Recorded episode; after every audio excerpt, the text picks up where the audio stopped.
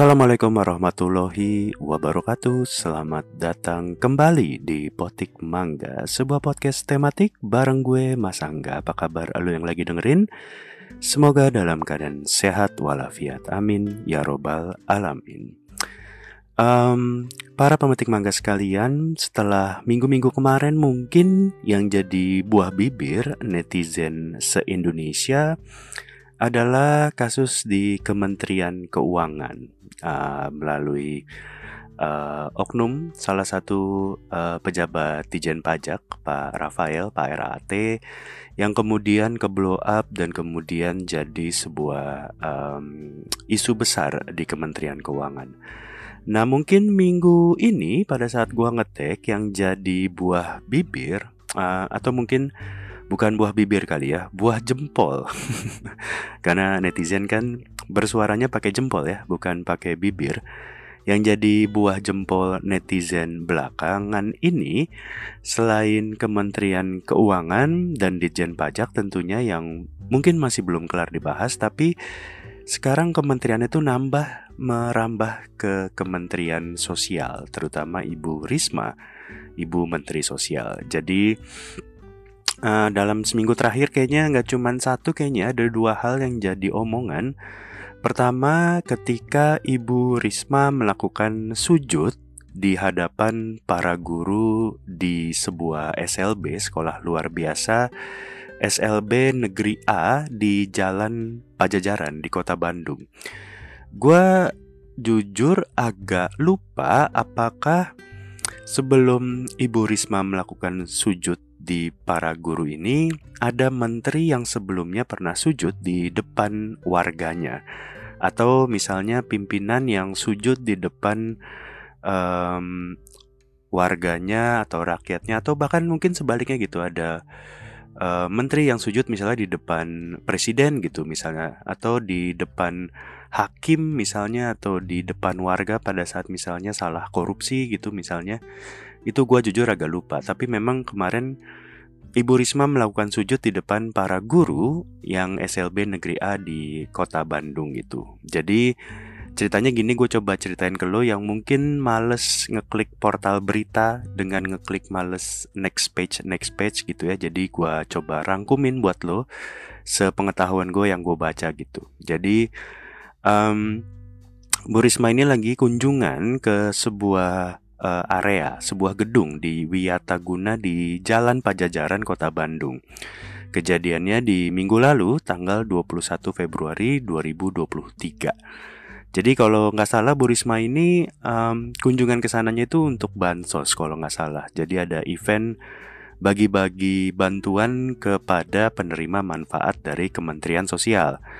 Nah kemudian di lokasi yang sama dan mungkin satu komplek kali ya Jadi ini namanya komplek Wiataguna Ada tadi aula serbaguna, ada sekolahnya Dan ada cafe gitu ya Cafe More atau More, gue nggak tahu bacanya gimana.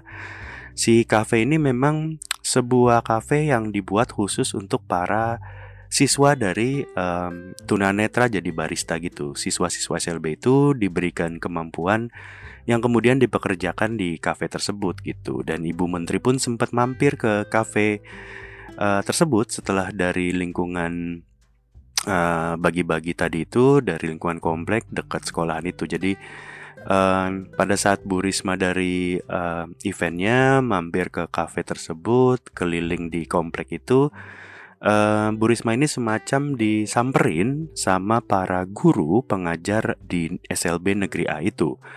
Intinya ada semacam dialog bagaimana si uh, Bu Risma ini dipertanyakan atau para pengajar ini mempertanyakan hibah yang pernah dijanjikan sama Ibu Risma. Jadi um, ini kalau gua nggak salah ya, mungkin kalau ada kesalahan uh, lo bisa cek sendiri, bisa dibenerin guanya. Jadi um, Bu Risma ini pernah menjanjikan hibah pengelolaan lahan komplek uh, Wiataguna tersebut untuk diberikan kepada sekolahnya gitu. Jadi uh, komplek Wiataguna itu tadi isinya tadi kan ada aula, ada sekolah, ada kafe gitu. Nah tanahnya itu masih punya Kemensos secara tanahnya dan dikelola oleh Kemensos itu sendiri. Jadi Bu Risma atau Kemensos mungkin berjanji akan menghibahkan tanah itu ke sekolah si SLB Negeri A Wiataguna itu supaya nantinya lahan tersebut bisa dikelola secara mandiri oleh si sekolahan uh, eh, SLB tersebut gitu. Makanya kemarin itu para gurunya mempertanyakan hibahnya seperti apa gitu. Makanya ada semacam debat bagaimana para guru ini menanyakan kok belum dihibahkan juga gitu. Nah, kalau menurut Bu Risma dan Kemensos ini um, gue coba sambil kutip dari kumparan.com. Uh, kutipannya seperti ini. Awalnya ada permohonan memang untuk penghibahan. Awalnya saya setuju. Ini juga untuk pendidikan. Tapi ternyata perkembangannya anak-anak disabilitas yang sekolah di sini butuh pekerjaan. Akhirnya kita buatkan kafe untuk tunanetra. Ada juga sentra usaha lainnya untuk disabilitas fisik, ODGJ, dan lainnya di sini, kata Risma di lokasi Selasa 21 Februari. Um, menurut politikus PDIP ini, koma ketika fasilitas itu dihibahkan dan hanya dipakai untuk penyandang disabilitas netra, Dikhawatirkan kebutuhan khusus penyandang disabilitas lainnya tidak terakomodir khususnya untuk masyarakat di Provinsi Jawa Barat. Risma mempertimbangkan perkembangan siswa-siswi di SLBA Pajajaran yang memerlukan pekerjaan setelah bersekolah. Oke, kurang lebih kutipannya seperti itu. Jadi um, kalau gue nggak salah menyimpulkan dari yang apa gue baca, Bu Risma ini pengen kalau komplek itu isinya beragam, nggak cuman sekolah doang dan juga nggak cuman untuk uh, siswa-siswi yang tunanetra doang gitu. Tapi Bu Risma ini pengen bagaimana setelah sekolah itu selesai ada semacam tempat untuk menampung para lulusannya, termasuk si kafe itu dan sentra usaha bisnis lainnya. Jadi memang um, beliau pengen habis lulus sekolah para lulusannya yang berkebutuhan khusus itu ada tempat untuk mereka uh, mendapatkan pendapatan, dapat duit gitu, tempat buat nyari duit lah buat para lulusannya gitu.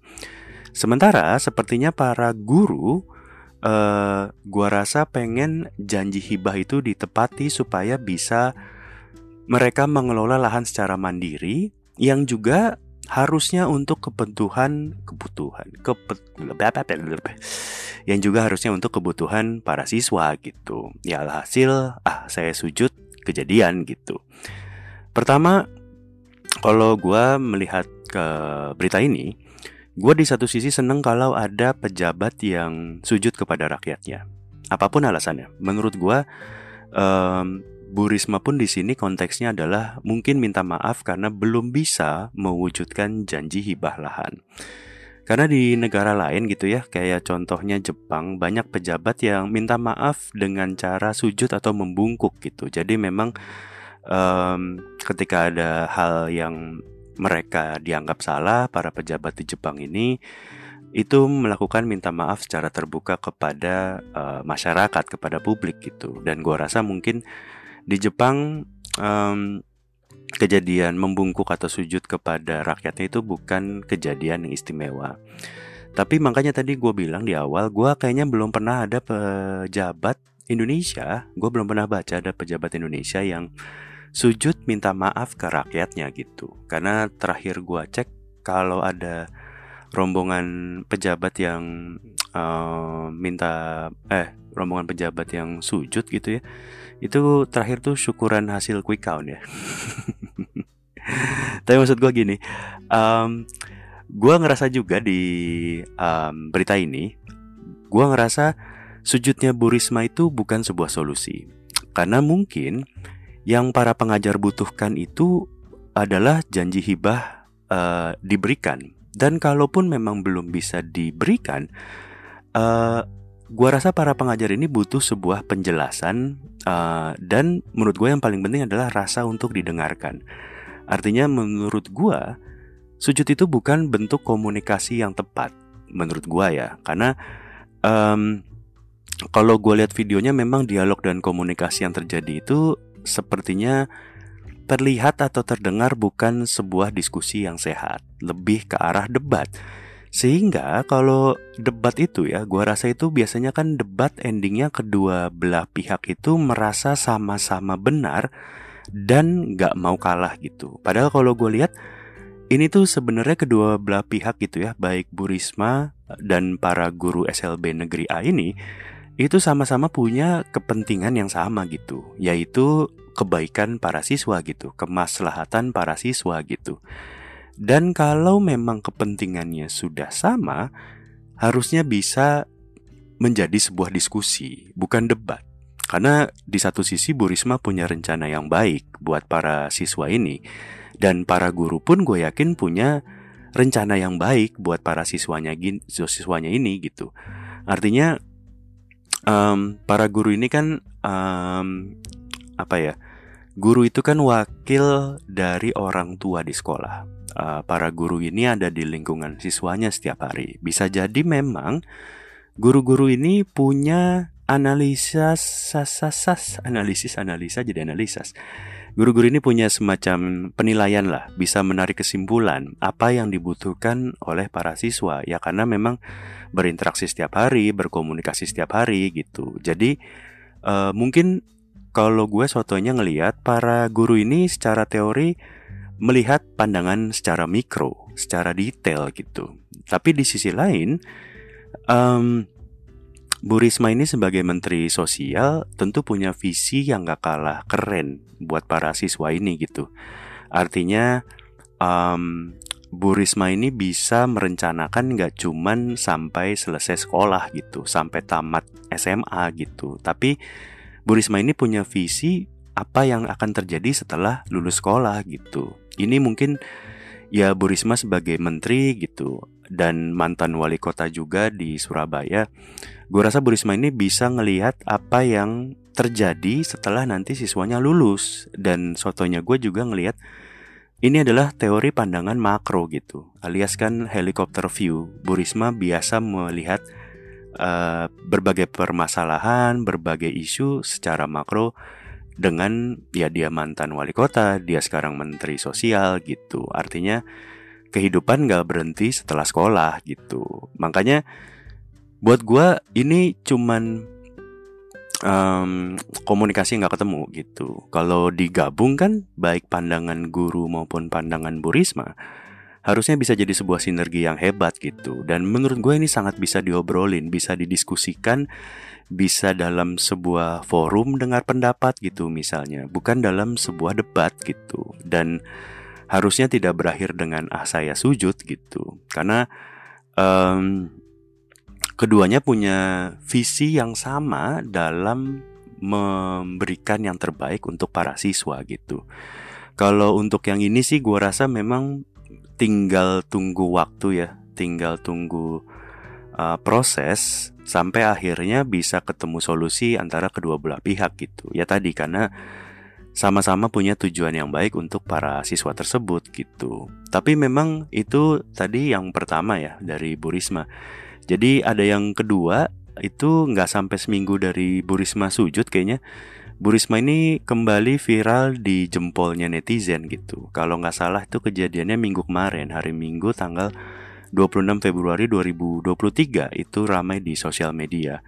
Walaupun kayaknya gue nggak yakin itu kejadiannya di hari Minggu itu ya. Mungkin videonya baru terupload di hari Minggu itu. Jadi um, Jempol-jempol netizen ini kembali gercep mengkomentari sebuah video yang isinya Bu Risma ini lagi megang selang, lagi cuci mobil. Mobilnya itu plat merah, harusnya mungkin uh, mobil milik Kementerian Sosial ya. Dan mobilnya itu kalau nggak salah Terios atau Ras gitu ya. Gue kurang paham sih persisnya. Tapi di belakang mobil itu bagian belakang tuh kalau nggak salah ada ban serep. Jadi mungkin kalau nggak Terios itu ras kalau Innova kan nggak ada ban serep Avanza juga nggak ada. Tapi intinya di rekaman video itu Bu Risma terlihat semacam uh, mencuci mobil. Beliau megang selang dan menyiram air ke mobil-mobil itu. Dan lagi-lagi netizen jempolnya gercep banget ya. Semacam nggak terima kalau apa yang dilihat adalah seorang menteri yang lagi nyuci mobil Karena di sini gue sama sekali nggak paham sama netizen yang ngebully Bu Risma dan Di sini gue pro 100% sama Bu Risma. Dalam artian gini, um, ini sama sekali bukan sarkas, sama sekali bukan satir, apalagi nyinyir gitu. Beneran gue nggak ada masalah sama sekali ngeliat seorang menteri sosial mencuci mobil gitu. Emang ada masalah apa? Atau emang kenapa kalau menteri mencuci mobil sendiri gitu? Artinya um, kalau kita lihat dari sudut pandang netizen, gue paham kenapa netizen nyinyir. Pahamnya adalah karena memang uh, sebagai menteri harusnya akan ada staff atau karyawan yang nyuciin mobilnya gitu ya. Um, kita aja yang ya lu lah atau gue gitu yang nggak punya staff gitu. Kalau nyuci mobil um, kita akan masukin ke cuci mobil gitu ya, macam Karonta gitu. Yang Bekasi pasti tahu ada cuci mobil Karonta ya. itu 30 ribu tuh beres ya, nggak pakai lama, nggak pakai nyuci sendiri gitu.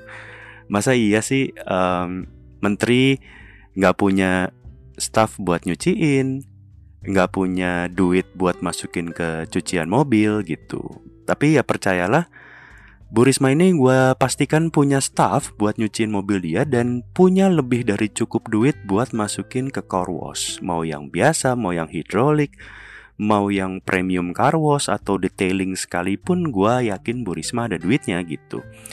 Tapi coba lo lihat dari sisi lain gitu. Masa iya dengan dia punya itu semua, punya staff, punya duit, beliau jadi nggak boleh buat nyuci mobil sendiri gitu. Coba lo lihat dari sisi lain gitu ya Bu Risma itu bisa jadi melakukan itu di waktu luang dan bisa jadi itu adalah hobi beliau gitu. Ya mungkin lo ketawa, lo mungkin ngetawain bahwa ada orang yang hobinya bebersih gitu. Tapi ada orang yang hobinya bebersih gitu. Gini, mungkin lo lihat uh, Bu Risma ini adalah sosok pejabat, sosok menteri sosial, sosok uh, wali kota Surabaya gitu. Tapi menurut gue Bu Risma itu ya juga seorang ibu-ibu um, gitu, seorang emak-emak yang juga biasa, yang manusia gitu. Ya gue nggak mencoba merendahkan ibu-ibu atau mama ya, tapi gue coba melihat misalnya uh, nyokap gue aja misalnya gitu. Nyokap gue itu, gue ya gue ngelihat pas Bu Risma nyuci mobil, gue kayak ngelihat nyokap gue gitu.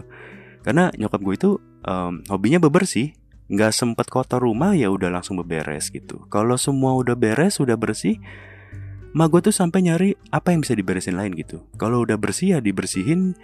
Uh, bahkan yang nggak kotor kayaknya bisa dibersihin juga gitu.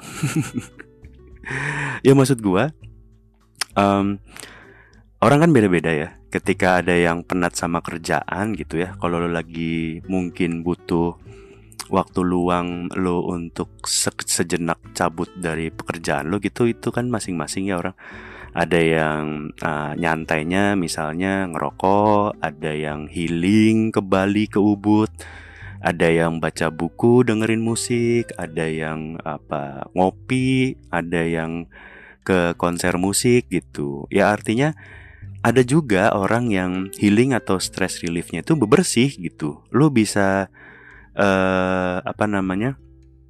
Lo bisa cek banyak artikel adalah mungkin beberapa gitu ya. Karena gue kemarin juga sempat ngecek bahwa memang ada uh, bagaimana bebersih atau space cleaning gitu misalnya itu memang bisa bikin enteng pikiran gitu. Di sini sih uh, gue nggak dengan soto bilang Bu Risma itu healing yang bebersih ya. Tapi bisa jadi Bu Risma itu mirip kayak nyokap gue di mana Iya nggak demen aja lihat yang kotor gitu. Terus ya udah mungkin ada waktu dikit Ambil selang ya nyuci sendiri. Sambil beliau mungkin mendapatkan stress release Dari apa yang dikerjain gitu. Ya memang sih nyokap gue bukan pejabat gitu Bukan menteri.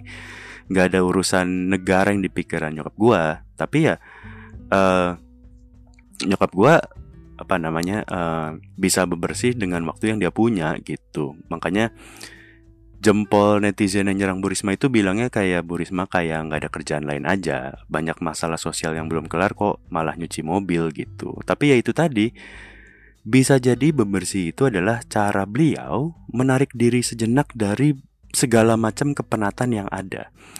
Bisa jadi untuk mencari solusi yang tepat untuk permasalahan atau isu-isu sosial di republik ini gitu.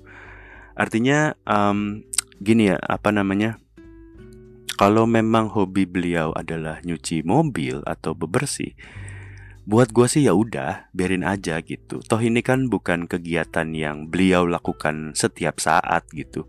Ini hanya sebagian dari waktu beliau yang sudah beliau luangkan uh, atau sebagian kecil dari waktu beliau dalam satu hari 24 jam yang sudah beliau habiskan untuk masalah di Kementerian Sosial gitu. Maksud gue uh, kalau lo lihat menteri-menteri lain gitu ya apa namanya juga ada hobinya masing-masing gitu. Kenapa lu nggak misalnya protes dengan keras ketika misalnya Pak Basuki jadi fotografer gitu pas lagi ada event-event, padahal um, Pak Basuki kan juga lagi ngelakuin hobinya ya. Kenapa beliau nggak dibully dengan cara uh, Pak uh, kok nggak malah bikin jalan tol gitu, Pak jalanan pada bolong gitu. Ya menurut gue ini sama aja uh, setiap orang ada hobinya masing-masing baik itu rakyat biasa ataupun menteri ya sama-sama orang sama-sama punya hobi ada yang suka motret, ada yang suka bebersih, ya menurut gue sih biarin aja, nggak usah diprotes sama yang begitu-begitu menurut gue sih. Artinya ya, lagian um, gue coba ngajak lu ngeliat dari sisi lain ya. Kalau gue sih ngelihatnya gini ya, gue nggak masalah sama sekali sama menteri sosial yang sukanya nyuci mobil gitu, karena ketimbang menteri sosial yang sebelumnya kan sukanya ngambilin ceban dari bansos ya. Udah itu aja dari gue uh, Pesan gue cuma satu Jangan suka ngebully hobi orang. Yang kedua biarin aja kalau orang lagi seneng-seneng. Ketiga ya mungkin dia punya maksud dan tujuan Yang kita nggak pernah tahu Jangan suuzon Terima kasih sudah mendengarkan Potik Mangga. Assalamualaikum warahmatullahi wabarakatuh